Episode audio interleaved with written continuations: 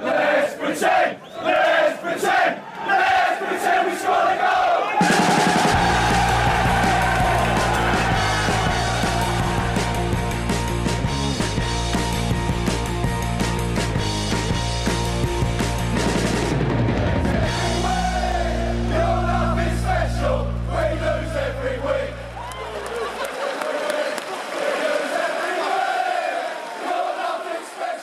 Sportbladets Premier League-podd. Eh, måndag som vanligt. Kalle och Frida, ni är med mig. Hallå, hallå. Hallå? Halloj! Vi har eh, det är hektiskt schema. Eh, allt är nedstängt i England utom fotbollen som går på någon slags dubbelvarv just nu. Eh, Frida, hur, hur motiverar man det här? ja, det beror på vem man frågar, eh, höll jag på att säga. Nej, nu fick vi ju se ett smakprov här i alla fall i helgen på att det är slut på eh, kramkalas vid mål och Ja. sånt där.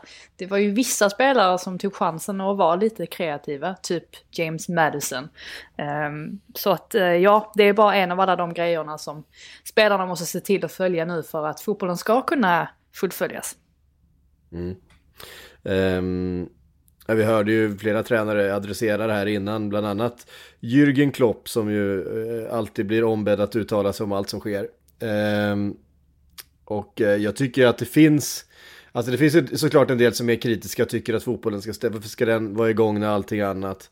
Men det här med att inte få krama varandra efter ett mål tycker jag är, är det, det är ju en jättekonstig symbol, symbolpolitik bara.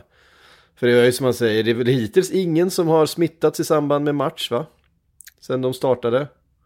Eh, nej, det, det är väl någonting sånt. Och dessutom så har det ju kommit alltså, väldigt många rapporter som indikerar att det inte är särskilt lätt att eh, smittas utomhus ens. Att det är en väldigt låg smitt, smittorisk i alla fall jämfört med när man är inomhus. Så på så sätt så kan man ju tycka att det är lite, lite konstigt. Men eh, det är väl som du säger också att det är någon sorts symbolhandling på något sätt. Och kanske också det här med att Vissa spelare bröt mot restriktionerna för inte allt för länge sedan. Eh, kanske på något sätt är det en varning till dem också om att börja ta det här mer på allvar. Jag vet inte.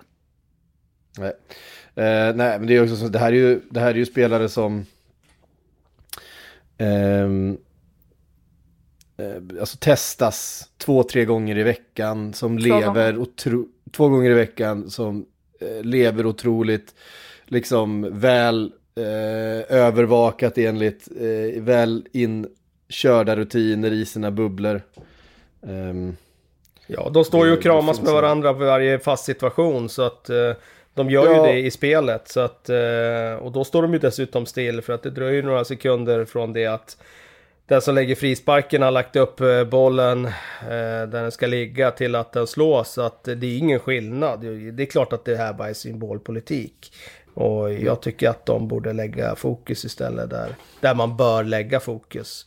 Ehm, och det vet jag inte. Det gör de säkert men eh, de borde kanske eh, liksom lägga all energi på just det som verkligen får effekt. Mm. Ehm, ja, alltså nu, nu letade min hjärna febrilt där i eh, en halv sekund efter, eh, efter att lägga något på effekt för att försöka styra in då på det här mötet mellan Liverpool och Manchester United. Men det blev inte så mycket effekt av någonting där. 0-0. Eh, ingen, eh, ingen sprudlande tillställning direkt. Ett eh, Manchester United som försvarar sig väldigt bra.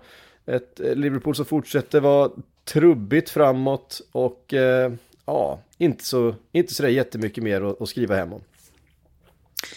Eh, alltså jag tyckte ändå att det var, jag vet att jag har hört många som har tyckte att det var en ganska tråkig match, men jag tyckte att det var rätt så underhållande. Eh, det var i alla fall en match som hade flera lager på något sätt. Just det här att Liverpool kliver ut från början och visar ju i alla fall de 25 första minuterna att de har ett betydligt mer välutvecklat spel än vad Manchester United har som då fick kliva bak lite. Ehm, det var väl inte så kanske att de hade tänkt att de skulle kliva ut och blåsa på, men ehm, var ju rejält tillbaka pressade då av Liverpool och särskilt Thiago på mittfältet som kanske inte alltid var vän med bollen, men när han hade bollen framför fötterna så hände det någonting hela tiden.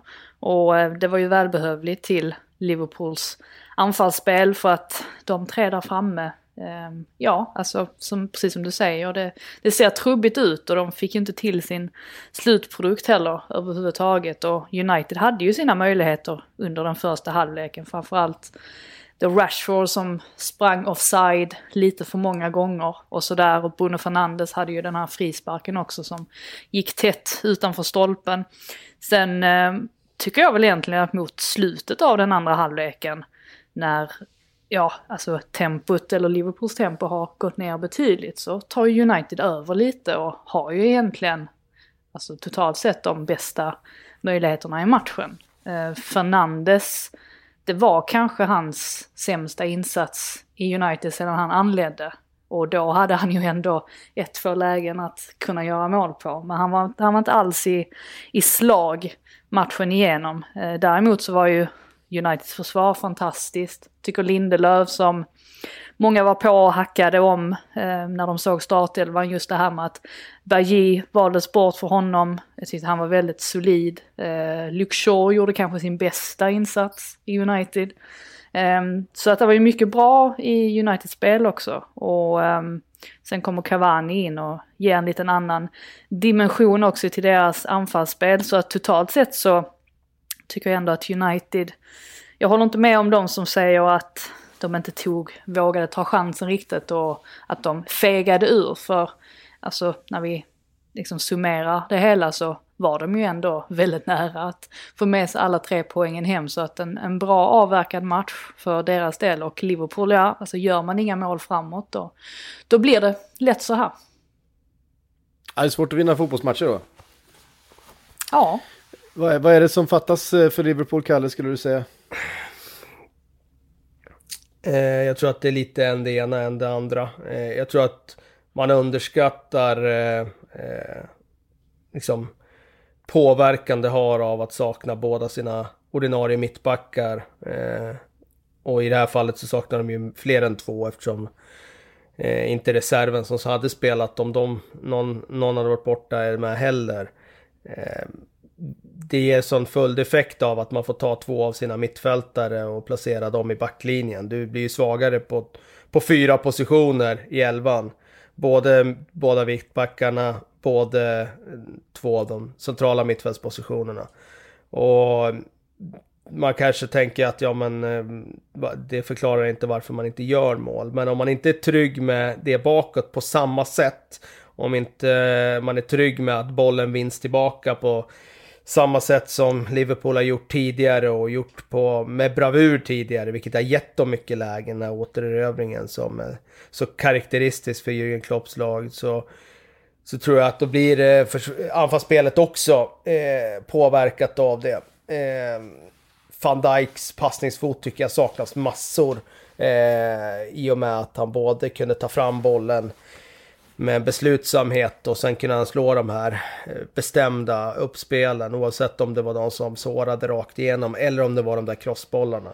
Nu har ju både Henderson och Fabinho bra uppspelsfötter i och med att de är centrala mittfältare men just det där när de hade van Dijks crossbollar så, så kunde det öppna upp motståndarlag. Eh, framförallt motståndarlag som spelar med fyrbackslinje på ett sätt som som eh, gjorde att Liverpool blev väldigt svår, svårbemästrade, svårneutraliserade. Sen tror jag det har satt sig lite på självförtroende också. De känner ju att det inte riktigt, eh, bollen studsar inte riktigt deras väg. Det, det är liksom inte samma flyt eh, längre och det är klart att det sätter sig lite på huvudet också. Jag menar en sån som Firmino, eh, avsluten i den här matchen lämnar ju en del i övrigt att önska. Han ska ju är han klinisk så borrar ju han in ett par mål i den här matchen. Och då går man därifrån med en helt annan känsla om man är Liverpool. Men nu är det lite halvtaffliga tofflelavslut från hans sida. Och det är klart att jag tycker att Liverpool är riktigt bra första 25 minuterna i matchen. Eh, jag håller inte med alls, jag är med på din linje där Frida. Jag håller inte med alls de som säger att det inte var någon bra match. Att den inte, jag tyckte det var en väldigt bra match. Mm. Eh, Liverpool driver ju matchen första 25 minuterna och gör ju ja, det man kan kräva tycker jag av, av, av dem. Förutom det sista. Alltså man behöver stoppa in bollen i mål. Man behöver ha bättre avslut. Man behöver ha kanske en bättre sista passning. Och hade de haft det, då hade det, då hade det matchens summering skrivits på ett helt annat sätt. Um, jag tycker väl att det kanske saknas lite i synken också. Alltså, Thiago är ju fantastisk. Det är ju en helt, eh, alltså, det är en helt magnifik fotbollsspelare att titta på. Eh, varje gång han äntrar planen, varje gång han har bollen vid sina fötter så känner man ju att det kommer någonting eh, magiskt från dem. Men eh, det är inte så att Liverpool riktigt har anammat den, för det blir ju liksom en omgörning av spelet när han spelar. För det är inte så att han det, mittfältet agerar ju inte på samma sätt om, om man har Thiago där än om man har Oxlade Chamberlain och Milner som är rena energispelare och det ska gå fort framåt och det är liksom man spelar bollen och springer framåt i djupled i stort sett. Medan Thiago mm. han står ju stampa på den och sen trär han in en jätte, jättefin passning mellan lagdelarna. Men det är ju ett annat typ av spel. Det känns inte som att Liverpool riktigt har synkat i eh, det övriga har inte riktigt synkat utifrån hur han spelar fotboll. Sen gör han ju sjukt bra aktioner. Eh, men det känns inte som att det övriga pusslet riktigt eh, har hakat i än. Det kanske kommer med tid, men det kan ju vara så också att eh, han har ju varit skadad en hel del, så man har inte fått så mycket tid tillsammans heller med honom. Eh, så att jag tror att det är lite olika delar som, som inte funkar för Liverpool. Men man får ju komma ihåg då också att Thiago Um, alltså förra året i, i Bundesliga, han hade, alltså då stod han ju på, han landade på tre mål och noll assist tror jag det var. Så att han är ju inte den heller som kommer med en massa framspelningar utan är ju oftast den spelaren som levererar passningen innan själva assisten görs. Så att jag, jag håller med dig Kalle, jag tycker också det känns som att han, han bara behöver lite mer tid. Och just det här en del bollar som han slog bort också, att det är nog sånt som sitter för honom. Eh, om man bara får komma igång lite mer. Så tycker jag liksom som... Så, nu tycker jag väl i och för sig att Trent var ju bättre i den här matchen än han varit de senaste, ja, senaste månaden. Så nu varvar han upp lite grann igen. Nu kommer han i alla fall med några sådana här bra aktioner som man känner igen från honom. Han hade någon crossboll som var riktig världsklass där till eh, Robertson där i andra halvlek. Han hade något inlägg och så vidare. Men eh, det är inte riktigt samma kvalitet på, på inlägg och inspel som det var när de var som allra bäst Liverpool. Då kom ju Robertson och Trent med de där, eh, liksom piskade in de där inspelen gång på gång på gång i matcherna. Och det liksom, till slut landar ju de på huvudet, även om de inte har de bästa huvudspelarna, så till slut landar ju de där inläggen på gässan på någon av de där tre där framme. Det känns inte som att de, de gör det på samma sätt eh, nu. Och det, det, det är ganska små marginaler som avgör. Jag menar, sitter ett av de där inläggen på huvudet och går därifrån med 1-0, då, då, då hade man varit nöjd i det här läget. Sen är det klart, jag försöker inte skyla över någonting. Det är tre matcher nu som är mållösa. Det är klart, och det är första gången på 16 år läste jag som, som det har skett i Liverpools fall i Premier League. Och det är klart att det är oroväckande. Det är klart att det inte är man är inte helt tillfreds med situationen när man inte gör mål i tre matcher i rad, när man har den typen av kvalitetsspelare. Sen tror jag ändå när man sitter på matcherna så de kommer ju till lägena på sista tredjedel. Det är inte så att de inte skapar chanser utan de är ju där. I andra halvlek, ja, då är det inte många farliga chanser. Men de kommer ändå till väldigt många lägen i assistzonen. Så de kommer ju till det där läget där man bör skapa en målchans om man gör en bra aktion. Men det där sista stämmer inte just nu och det är klart. Det är ju... Det, det är oroväckande såklart, men det kan också vara så att det bara kommer en sån där Crystal Palace-match med sju mål här och så rullar det på igen. Man vet inte. Mm. Vad känner du själv eh. kring Liverpools anfallsspel, Psyk? Du som eh, liksom andas Liverpool dygnet runt och sitter och hemma och har dina bryderier kring de här mållösa matcherna. Um, nej men jag tror ganska mycket, um, som du säger, det börjar någonstans bakifrån. Um, Thiago, eh, nu, nu spelar Shakiri på mittfältet också, uh, vilket gjorde att man egentligen bara hade en uh, alltså my mycket av Liverpools anfallsspel handlar ju om den där andra bollen. Det handlar ju om att vinna den där bollen centralt. Och Eh, Shakiri, Tia, Shakiri och, och, och Thiago är ju eh, två jätteduktiga spelare med boll, vinner inte lika mycket eh, andra bollar, vinner inte lika mycket dueller eh, som Fabinho och Henderson gör när de spelar. Ehm, Wijnaldum gör ju det en hel del, men han har inte heller, eh, han har en tendens att, att, att dra ner tempot lite när han väl har bollen eh, centralt. Och, eh, beroende av att han har andra runt sig som spelar med lite mer energi. Så att jag vet inte, de, det var inte riktigt, det är som du var inne på där. Man saknar lite av det eh, centralt och sen så, ja det är ju inte, sen är det lite, lite eh, ofta har det alltid varit så när, när Salah har varit lite ur form, då har Mané varit i, i, i stekhet form och, och bara ja. hängt in de där bollarna hela tiden. När, inte han har varit i form, men då har Firmino klivit fram och, och, och, varit i form istället. Nu ser alla tre lite ur form ut. Eh, trötta också och, kanske. Och lite trötta, som sagt. Eh, Diogo Jota var ju het eh, i början på säsongen eh, och har varit skadad nu ganska länge. Eh, och det, det syns, det fattas ett alternativ till dem där ju. Mm. Eh, och det alternativet köpte man in i sommar, men han har varit, han har varit skadad i, i, i två månader nu och kommer vara skadad ett tag till. Så att... Ja, men det är som du säger, det har ju nästan alltid varit att någon har ju burit ansvaret. När någon annan har varit utslag, då har ju den andra klivit fram. Och har inte någon ja. av dem där två, så har det ju varit Firmino som har axlat det istället. Och nu är det väl ingen i de här matcherna som har gjort det riktigt. Jag tyckte Mané började rätt bra den här matchen. Han vände ju bort Fred eh, ett par gånger där i början av matchen. Eh, på ett jäkla fint sätt. Eh, men eh, han var inte så het i, i straffområdet så. Eh, sen får man väl säga också att de möter ett bra lag. Alltså om man tittar på mm. laget Manchester United ställer ut så...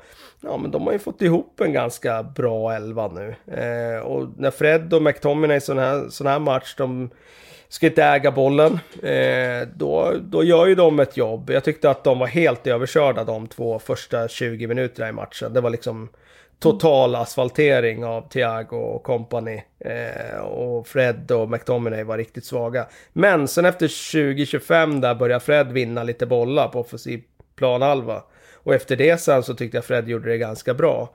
Eh, och mm, just det där med att springa och täcka ytor, eh, det är de duktiga på. Och det tyckte jag att de gjorde effektivt. Och sen som du sa Frida där så Backlinjen i Manchester United gjorde ju faktiskt riktigt, riktigt bra ifrån sig. Lindelöf har väl inte gjort så många bättre matcher på engelsk mark än den här. Jag tyckte han var nästan felfri i den här matchen. Och då ställs han ju ändå mot riktigt bra motstånd och han fick nicka undan en hel del inlägg och så vidare. McGuire hade väl någon riktigt eh, taskig passning där i eget straffområde, men bortsett från det så var ju han också solid. Och Luke Shaw ja, han har inte varit så här bra sedan Louis van Gaals dagar innan det där benbrottet. Eh, jag tyckte han var eh, kanske planens bästa spelare. Så att de hade ju eh, ja, alla sina backlinjespelare egentligen i, i stöten den här matchen.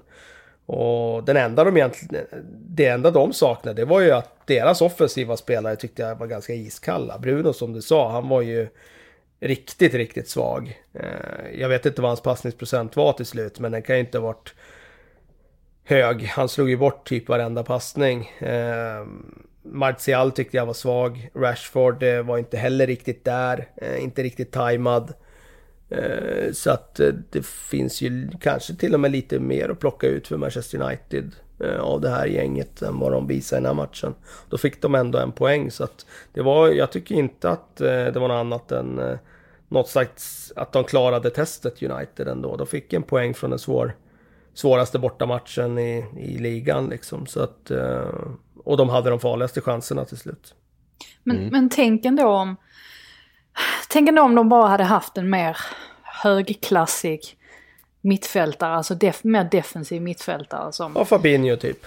Ja, eh, ja men absolut. Fabinho eller eh, NDD eller Kanté eller alltså vem som helst egentligen. Då hade ju det här laget verkligen varit... Alltså då hade man absolut kunnat säga att de skulle ta titeln, exempelvis. Ja. Alltså jag tycker ändå det finns... Det, det pratas ju inte om att det är de positionerna de kikar på eh, just nu. Att det finns andra saker de prioriterar, alltså platsen till höger till exempel, där fram. Men eh, jag vet inte, jag kan inte skaka av mig den här känslan av att jag vet att Fred kom in bättre i matchen och sådär och att han gör rätt bra insatser då och då. Men jag kan inte, jag kan inte komma ifrån att jag inte tycker att de, eh, alltså att varken han eller McTominay, jag, jag, tror, jag tror helt enkelt inte att de har den höjden Um, som United hade mått bra av att ha på den ja. positionen. Ja, jag håller ju helt med dig. Jag har ju drivit den tesen rätt länge att de inte räcker till där och att eh, ja. det har varit så länge och egentligen ända sedan Michael Carrick och Paul Scholes sprang runt på det där mittfältet så, så har de ju letat efter en långsiktig ersättare till Paul Scholes. De har aldrig hittat det. Ehm, och nu känns det inte ens som att de försöker längre. De har nästan gett upp, de har kapitulerat. Ja, men vi har de här två spelarna som kan springa och täcka ytor och vinna lite närkamper. Men det, då kommer du ju automatiskt också ge bort chansen till att dominera matcherna. För det kommer du inte göra på det sättet med de här. Inte när de möter mittfältarna, den digniteten som de gjorde i helgen med Thiago som bara vände bort dem. Som man vände liksom bort en en eh, pojklagsspelare. Så att, eh, nah, eh, det, det, jag håller med dig, det är där de behöver uppgradera nu. Det är det allra mest akuta. Mm. Får man ändå säga, eh, vad säger man, man ger ju sällan han beröm, eller han får, eller man, men de, han får ju väldigt sällan beröm, men man får väl ändå ge Solskär där att det var fingertoppskänsla där med valet av Lindelöf. Nu, nu vet ju inte vi hur Bailly hade presterat. Jag menar, det går väl att argumentera för att han också hade varit bra med tanke på att han har varit bra de senaste veckorna. Men vi vet ju också att Bailly har en tendens att pendla mellan toppklass och inte alls toppklass. Och den här fingertoppkänslan att spela Lindelöf, trots att alla supportrar runt om i världen var kritiska mot det beslutet inför matchen. Det visade sig vara riktigt, riktigt eh, bra drag. För eh, det hade ju räckt med en koncentrationsmiss från Bailly där han står i fel position och så hade det ringt i den här matchen. Eh, nu hade de Lindelöf på plan som dels inte satte några fötter fel men dels också är bra på att styra sin, sina lagkamrater. Eh, och um, ja, som sagt, han får sällan credit Solskär, men det ska han väl ha i det fallet. Ja, och han gillar ju Lindelöf också, det har vi varit inne på väldigt många gånger och att han litar på honom framförallt. Och sen är ju Lindelöf, han har en tendens att vara extra bra i eh, de riktigt stora matcherna. Eh, jag tänker ju främst då exempelvis på matchen borta mot PSG. Eh, det finns fler exempel också. Det, det känns som att han verkligen kommer till sin rätt då. Men ja, det, sen är han väl lite low key generellt och det är väl därför också som han kanske ofta, ja, alltså folk underskattar honom här borta ju generellt. Så jag tycker också det är riktigt kul att han fick lite hyllningar eller lovord här i alla fall efter matchen. Mm. Uh... Manchester United kvar då i serieledning eh, efter det här i krysset. Men eh, någon som har börjat röra på sig där bakom som just nu ligger två poäng bakom United med en match mindre spelad. Det är ju Manchester City. Ehm, eh, jag vet inte, jag tror inte det var någon som skrev av dem när det såg lite trögare ut i, i, i eh, höstas. Men eh, 4-0 mot Crystal Palace utan att egentligen behöva eh, lägga i någon... inte ens. Vad sa du? De svettades inte ens. Nej, de behövde inte lägga i någon högre växel. John Stones gjorde två mål. Eh, vilken, vilken återkomst han har gjort på något sätt i det här laget. Från att ha varit djupt ner bland fiskpinnarna i, i frysboxen så är han ju, han är ju stekhet nu. Ja, alltså det här var ju det gamla City för mig. Eller det City som satte skräck i sina motståndare för två säsonger sedan. De är på något sätt tillbaka där till att vara nej men väldigt kliniska i allt de gör. Och jag menar De Bruyne, hans inlägg fram till Stones första mål. På tal om det här med... Alltså. Ja, alltså på tal om det här med att Alexander Arnold kanske inte får till sina inlägg på samma sätt. Alltså där, där har vi ett exempel på ett väldigt, väldigt bra inlägg. Jag fattar inte ens hur han jag fattar knappt hur han får till den. Eh, helt ofattbart. Inlägg mitt i sidan. Alltså han får den farten och att han får det liksom... Eh, för att man kan böja en boll ner, att liksom få den över skruven med en insida så att den... Eh, men att han gör det med en yttersida, de brukar liksom bli lite ballonger. Men det är fart på den där alltså. Ja, men verkligen. Och det gick ju inte att ta miste på John Stones glädje efter det där målet. Det märktes att det betydde väldigt mycket och det är ju inte klokt egentligen att han gör två mål då i matchen. Det är hans två första mål i City-tröjan. Ja, precis. Jag uh, tyckte Gündogans mål var också fantastiskt. Uh, så att, ja, alltså det fanns så mycket bra att hämta här för Citys del och Jag är så oerhört imponerad också av hur de verkligen, alltså trots att det såg så knackigt ut i höstas, att de har lyckats få alla bitar på plats nu med defensiv, defensiven då främst som sticker ut som någonting de verkligen har åtgärdat. Så att, nej, jag tycker verkligen att här har vi här har vi en, en riktig titelkandidat och det skulle inte förvåna mig någonting om det är de som slutar överst i, i tabellen framåt maj. Nej, det är en, jag skulle säga att det är en remarkabel sen förändring i deras fall också. För att det här är laget som förlorade stort hemma mot Leicester i, vad var det, omgång två eller tre eller vad det var. Där någonstans. Mm, två eh, Och deras försvar såg ut att vara i bitar. Det här var ju innan då vi hade upptäckt juvelen Ruben Diaz som faktiskt har kommit in och styrt upp det här försvaret. Eh, han är ju en, eh, kanske inte den mittbacken som syns allra mest alla gånger så rent spelmässigt men han... Men han eh, hörs. Han hörs och hans ledaregenskaper tror jag får man inte underskatta här. Alltså de har betytt jättemycket för City. För att komma in en spelare som ryter i lite grann och sätter folk på plats när det behövs och en vinnartyp. Och jag håller med dig Frida. Det är, så nu ser de ju ut som det där City som pulveriserade allt motstånd. Eh, och liksom man känner att de är farliga hela tiden på sista tredjedelen och de dominerar matcherna. De tar tillbaka bollen och de kväver motståndarna. Och Palace fick ju inte andas här första halvlek riktigt utan det var ju City som dominerade. Och det är ingen slump nu att Fernandinho är tillbaka på mittfältet nu. Jag har ju efterlyst det Jag skulle precis många säga gånger. det. Att eh, de kan inte hitta en bättre spelare i den, i den positionen. Alltså det, det kommer bli jobbigt den dagen de ska ersätta honom. För att de plockar in Rodri som är bra, men han är inte Fernandinho. Eh, och Fernandinho är till åren nu, men han är fortfarande så fruktansvärt bra på ut på att göra just den arbetsbeskrivningen som Pep vill ha där. Det är han fortfarande väldigt, väldigt bra på. Eh, så att ja, just här och nu ser de ut som det bästa laget i ligan med ganska mycket marginal. Sen vet vi att det här är en speciell säsong och det är upp och ner och det är hit och dit och det är den ena eh, oförutsägbara liksom, matchen och resultatet efter den andra. Så man kan inte skriva något i sten, men de ser ut som det bästa laget här och nu. Det är ingen tvekan om det. Ja, och, det är bara, och tittar man på, på truppen och eh, att de faktiskt är relativt skade, skadefria eh, nu då efter all eh, covid och så vidare. Alltså de har på bänken eh, som kommer in då, Phil Foden som har varit fantastiskt bra under den här vintern. Han är på bänken och kommer in. Ferran Torres som har varit väldigt, väldigt bra under delar av den här säsongen.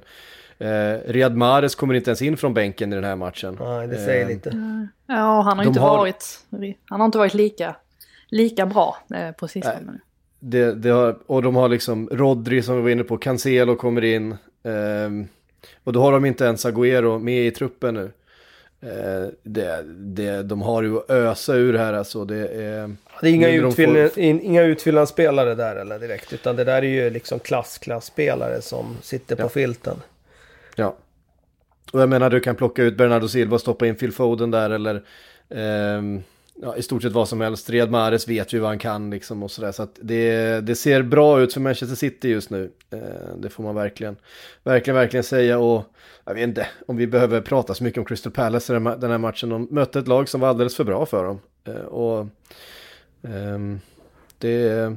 Ese är ju kul att titta på. Han, han försökte vid några tillfällen även i den här matchen, men det, det hände inte så mycket framåt för, för Crystal Palace. Nej, lite skillnad mot att möta Arsenal på bortaplan, tydligen. Ja, eh, så är det ju faktiskt.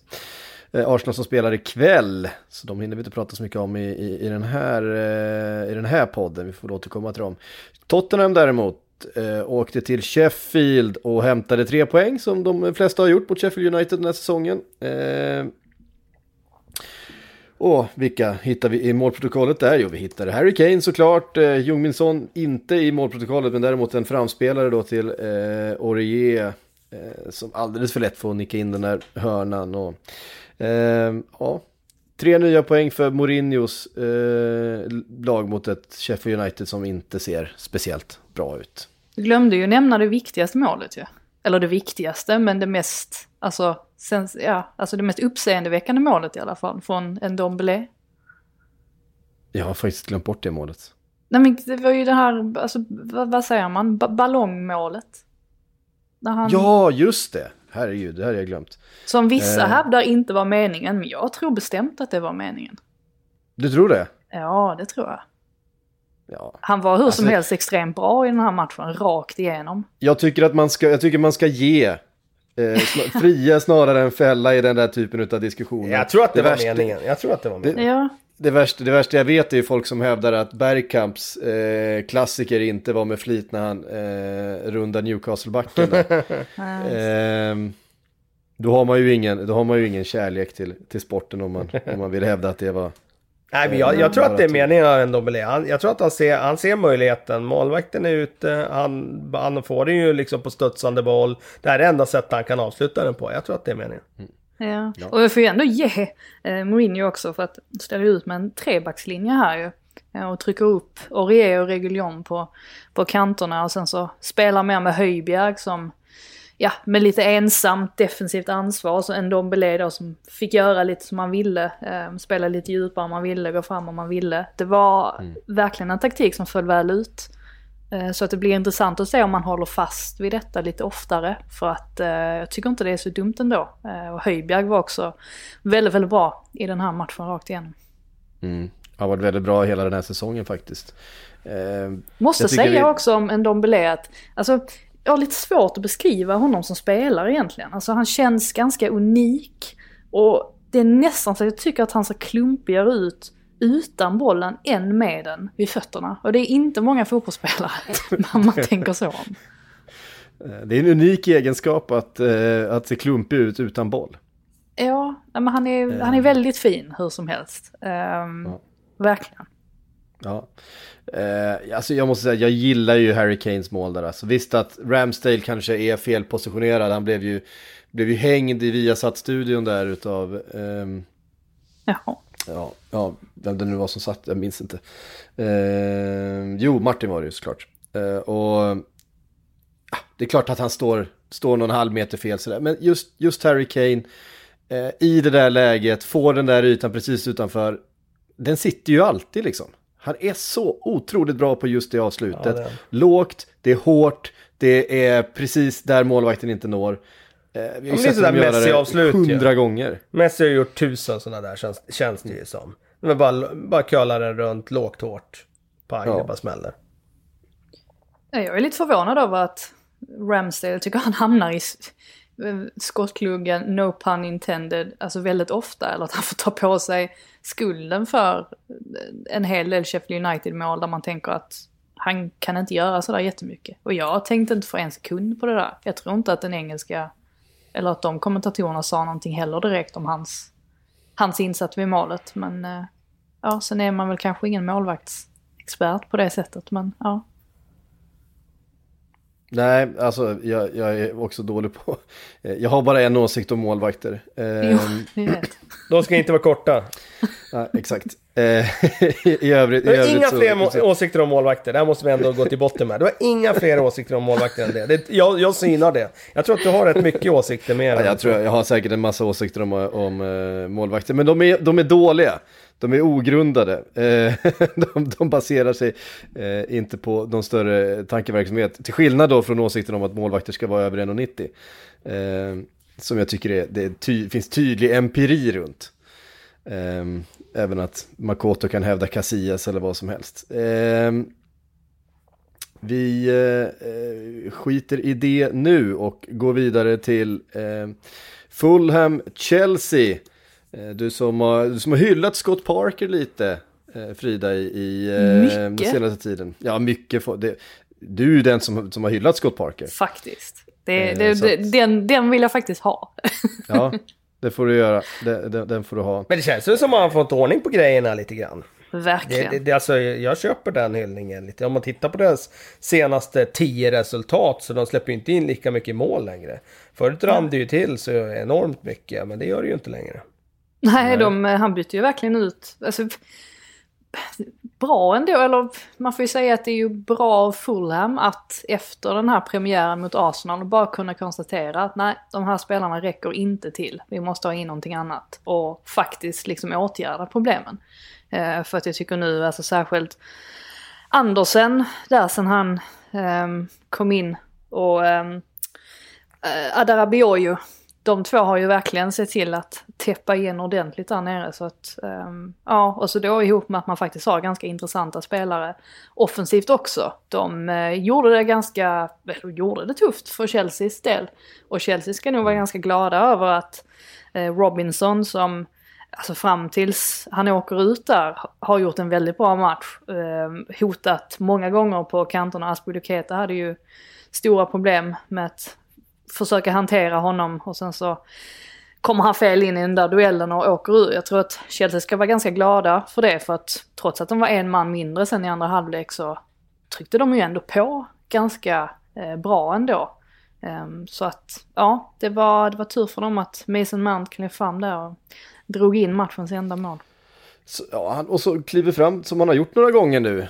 Han är ju inte bara teachers pet, han är ju faktiskt eh, den som har räddat Lampard en del under den här eh, säsongen. Ja, alltså jag blir ju förvånad för att ibland så tänker jag att är det bara någonting vi har hittat på ändå det här med att det är så många som är kritiska mot Mason Mount. Alltså kanske har det bara blivit en sorts sanning och sen så fortsätter man bara att upprepa det. Men efter att jag, min krönika hade publicerats efter matchen och jag nämnde liksom att Mason Mount han var återigen eh, alltså väldigt bra i matchen och är ju den som kliver fram då och, och avgör, menade på att det är inte en slump egentligen att det är just han. Eh, jag tror det dröjde tio minuter så fick jag min första mail som var ganska långt från en upprörd Chelsea-supporter då som menar på att Mason Mount var allt som är dåligt med Chelsea. Så att de finns fortfarande, de här som, eh, som tvivlar på Mount. Men det har väl att göra med hans relation till Frank Lampard. Jag kan inte komma på någon annan förklaring i alla fall. För att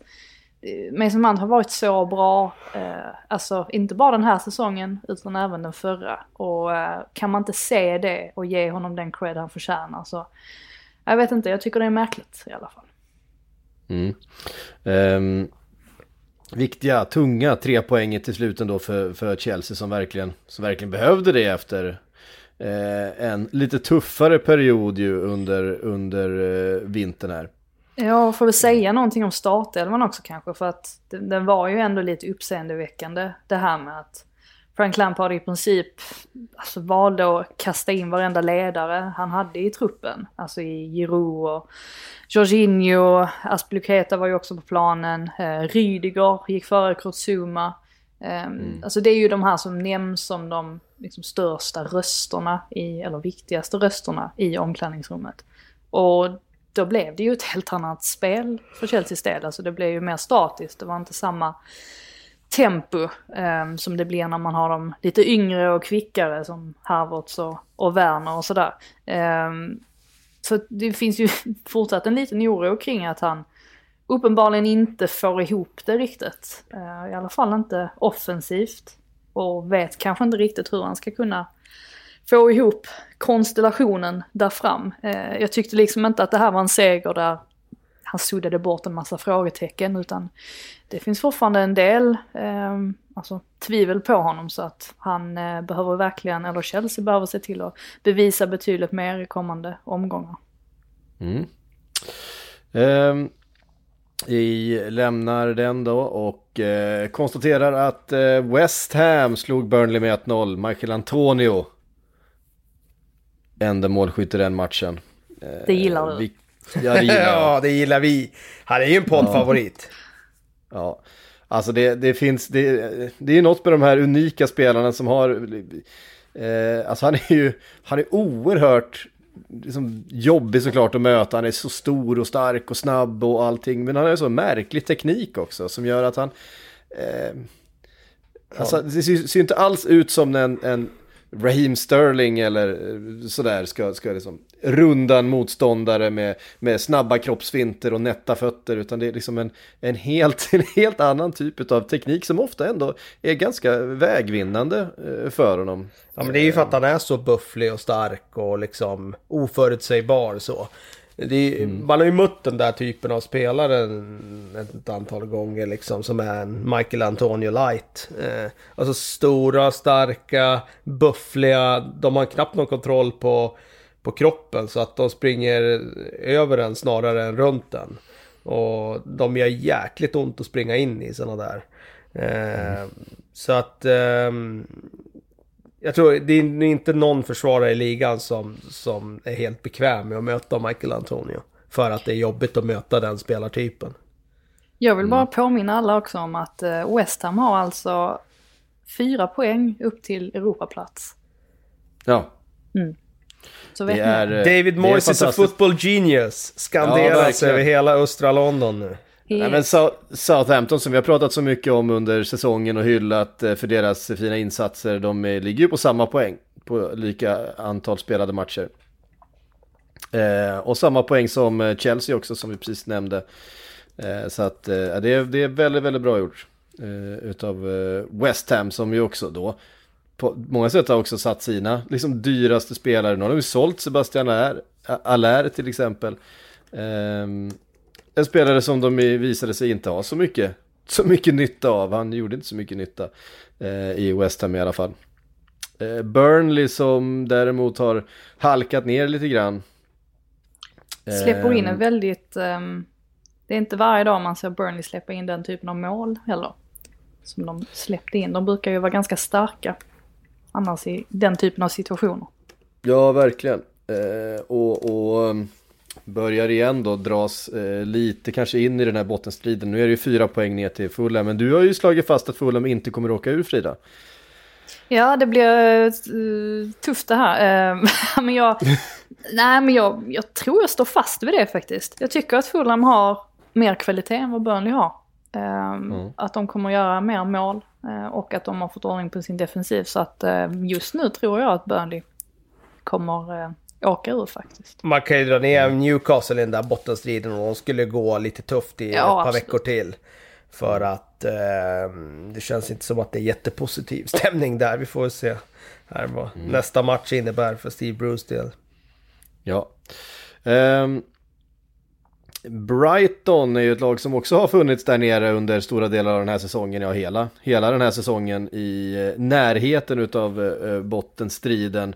Eh, har nu några poäng ner till fullen på 18 platsen då efter eh, viktiga tre poäng borta mot Leeds. Så det här var, det här var någonting som det pratades lite om innan att, att Leeds har problem mot eh, topplagen för att topplagen spelar fotboll på ett sätt som, som kan utnyttja eh, att de här luckorna som blir i, i Leeds höga press och, och sådär. Men Brighton är ju ett lag som spelar på samma sätt. De spelar ju som ett, som Som ett topplag, ett ja. topplag fast, fast eh, inte riktigt har, har kvaliteten i spelarna. Ehm, Sa ju faktiskt vägen. eh, Guardiola också efter eh, Citys match mot Brighton. Han öste ju var- beröm där över Brighton och Ja. Potter och hela faderullan.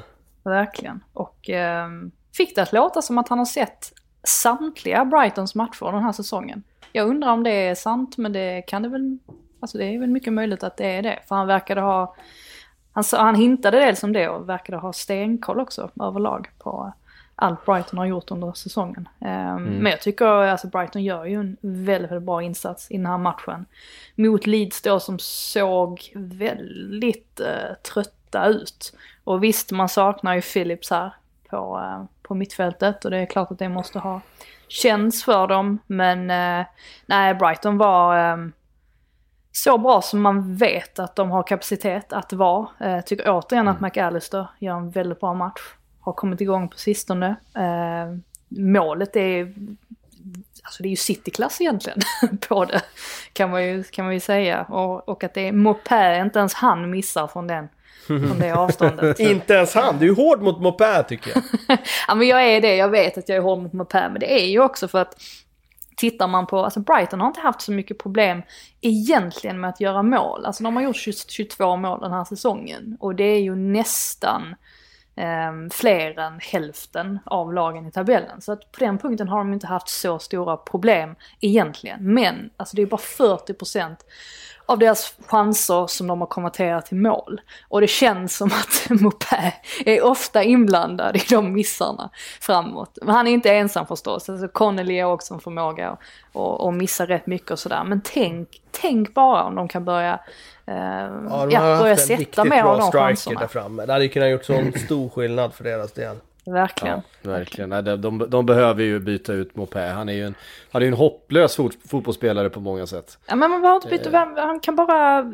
sluta missa. Alltså det... Bli bättre. Det, ja, Ja, men men, han det ska, ju vara, han ska ju vara andra val där. De ska ju ha en klassforward där framme. Och så ska de ju ha han som andra val. Då hade, det varit, ja, men då hade vi ju inte varit kritiska mot honom heller. För då hade ju Mm. Nej, förväntansbilden på honom varit att han är backup.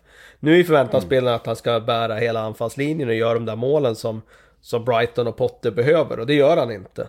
Eh, men min förväntansbild på honom är inte speciellt hög. För det är ingen, det är ingen första striker i Premier League. Och det har jag aldrig tyckt. Och därför har jag haft sympati med Potter. att Ja men som när de klarade kontraktet förra året så gör han det ändå bra. De har, han har inte toppspelare i varje position. Men ändå så, så får de med sig resultat. Eh, om man tittar på deras tabellradio den här säsongen Brighton så är det ju ganska speciell. De har bara vunnit 3 av 19 matcher. Det är ju egentligen katastrofalt dåligt. Men de har ju bara förlorat 8. De har kryssat 8 matcher vilket är liksom överlägset mest i, i ligan. Ja, de- Liverpool har kryssat 7. Eh, men det är liksom mest i ligan. Så de är ju väldigt svårspelade. De är väldigt svårbemästrade.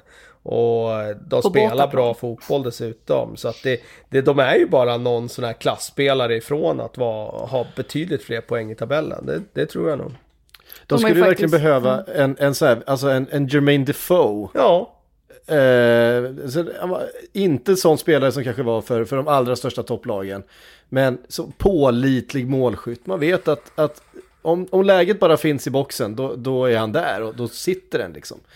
Ehm, vem, vem, är, vem är 2021 års eh, Defoe?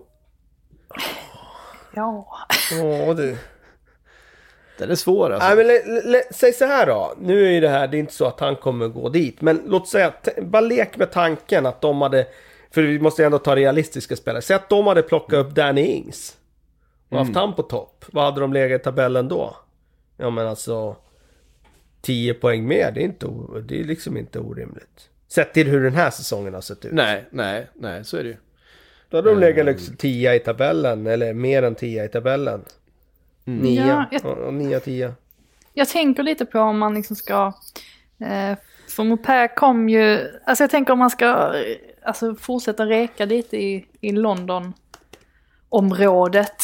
Kanske i vissa... ehm, ja, alltså hålla lite koll på när liksom nästa spelare kommer fram. Um, och sådär. Jag tänker lite på det här med att eh, alltså West, eller Aston Villa gjorde en så väldigt bra ehm, ja, alltså en värvning när de plockade in Ollie Watkins till exempel. Eh, Tony Brentford till exempel ska man, ska man hålla koll på honom lite mer. Jag tycker ändå att man ska vara lite mer på tårna sådär. De har ju rekryterat ganska bra de senaste åren men de behöver verkligen få till en sån där ehm, riktigt bra värvning nu. En spjutspets. Ja, säga någonting om Leeds också då. Det är ju oroväckande när ett Bielsa-lag börjar se liksom, tröttkört ut i mitten på januari. Ja, det här är halva ligan spelad nu.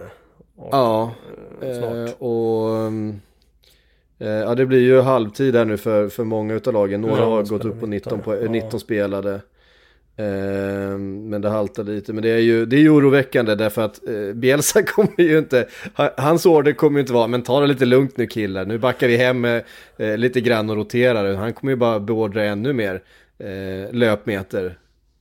Walk it off. Och den där väggen kommer ju.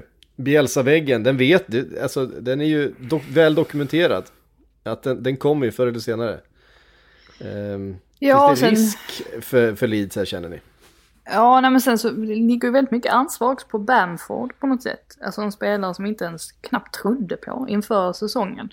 Och nu är det liksom meningen att han ska, eh, att han ska göra allt där framme med tanke på att eh, alltså Rodrigo har ju kanske inte sett eh, ja, alltså så slagkraftig ut som vi kanske trodde att han skulle göra med tanke på att det såg som en ganska stor värvning när han kom. Uh, nej, de ser lite, ser lite tröttkörda ut, men jag tror väl att de har ett hål nu. Ehm, på, som är ganska långt fram till nästa möte eftersom att eh, deras möte med Southampton sköts ju fram på grund av att Southampton behöver spela en annan match, alltså fa Cup-match som har blivit avhängd. Så jag tror att deras nästa match är den 26 så att det blir ju lite tid här för dem att återhämta sig möjligtvis.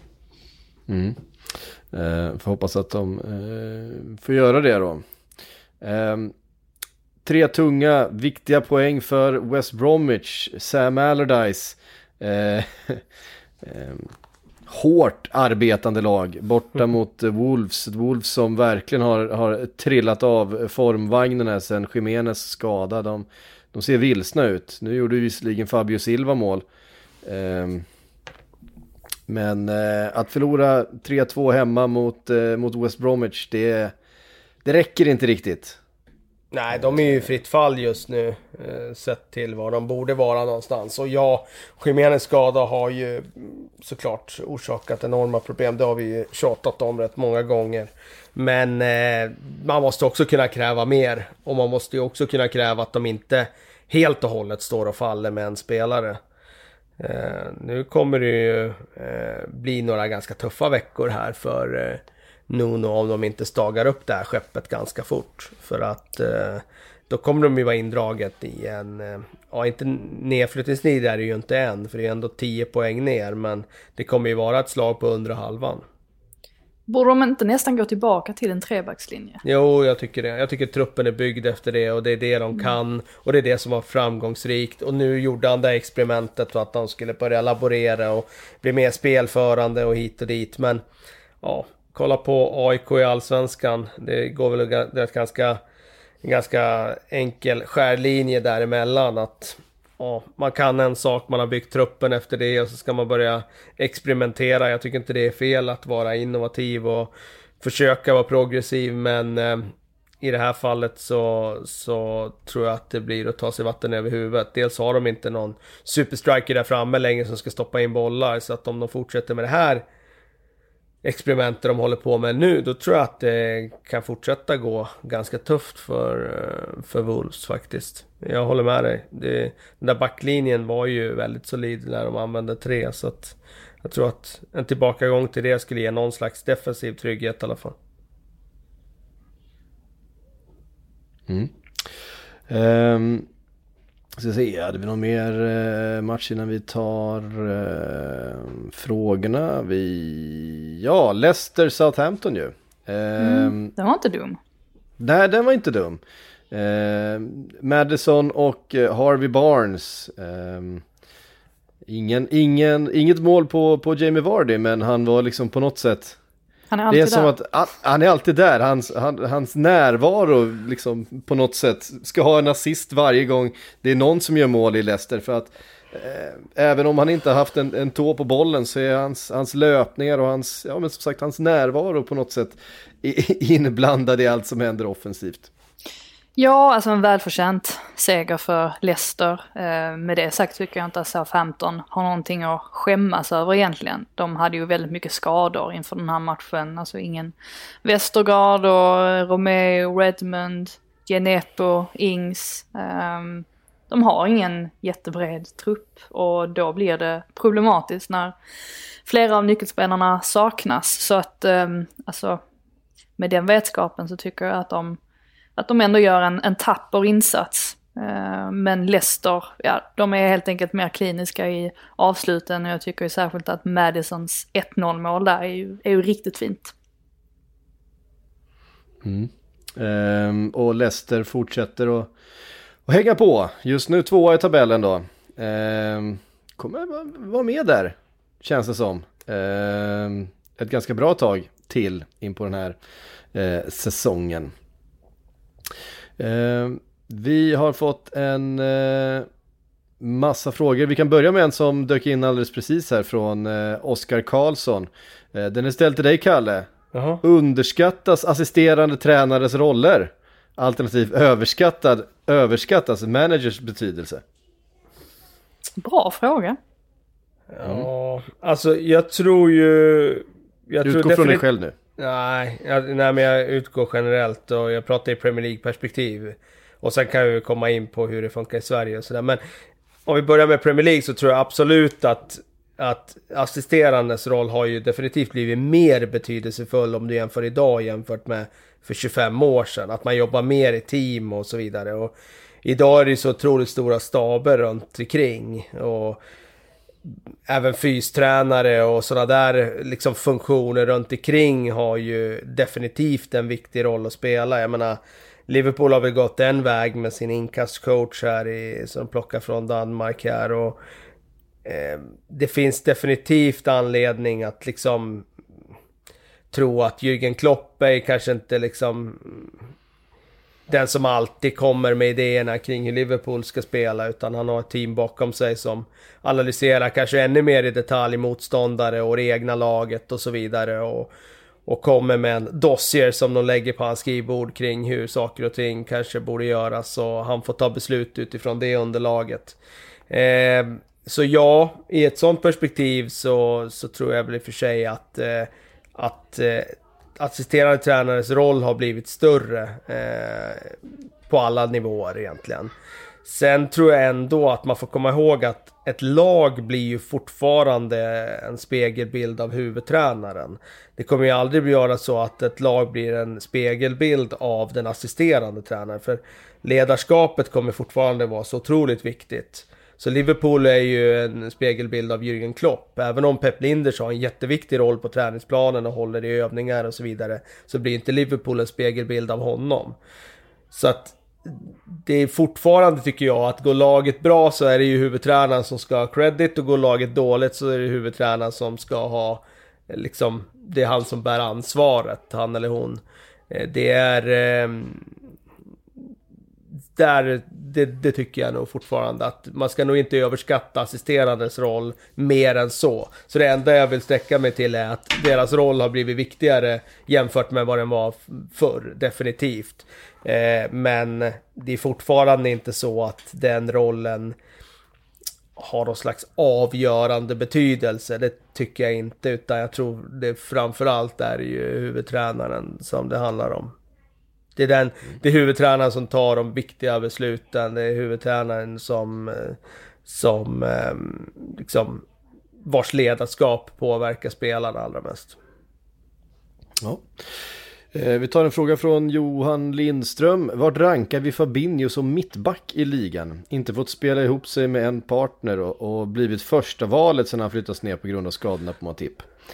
Ja, vad säger vi om Fabinho som mittback? Tyckte han var väldigt bra igår, bortsett från vid något tillfälle, bland annat där när Cavani hade kommit in och han tvingades...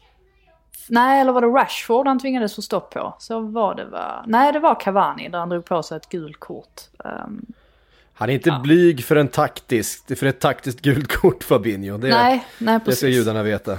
Ja, det kan ju vara en fördel ibland att ta, om man tar dem i rätt läge. Mm. Nej men han är ju bra alltså. Eh, nu måste vi gå igenom i huvudet lite snabbt de andra mittbackarna i ligan. Men nog skulle man kunna säga att han är topp 6, topp 7 mittbackar i ligan definitivt. Eh, mm. jag, jag, kan, nu kommer jag inte på så direkt på raka alla, alla så mittbackar Thiago Silva får väl nämnas där. Ja, och ja, de i City får väl också nämnas med tanke på att de mm. inte släpper in några mål. För vi pratar väl här och nu, inte liksom i något större perspektiv, utan utifrån den här säsongen, eller?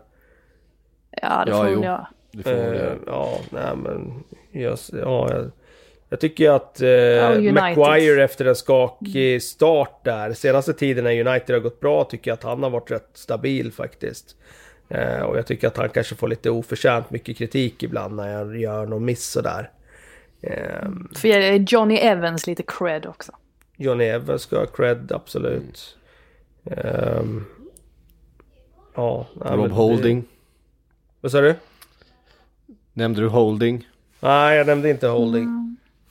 Jag har fått en fråga om Holding här nämligen, så att jag, vi, vi, mm. vi, vi, uh, vi smyger över till den då. Från Gulstad. Eh, mittbacksfrågan i Arsenal. En del fans vill fortsatt eh, se Marie och Holding. Men enligt mig bör väl Gabriel börja spela när han är frisk igen. Berätta vad ni tänker kring det.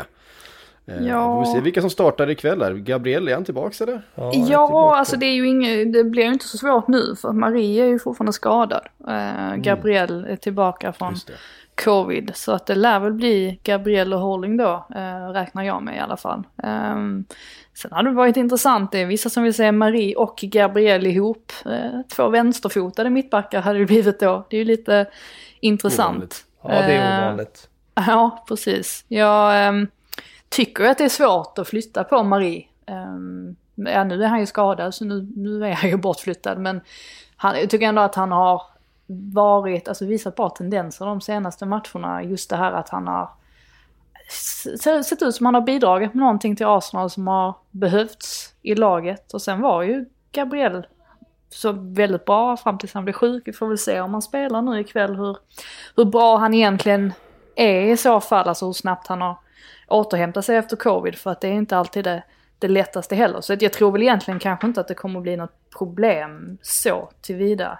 Um, jag har svårt att flytta på, Marie. Jag kan förstå varför man vill ha holding. Ehm, det är väl skönt för Arsenal egentligen att man för en gångs skull har flera alternativ. Eh, så har det ju inte alltid varit direkt på mittbackspositionerna.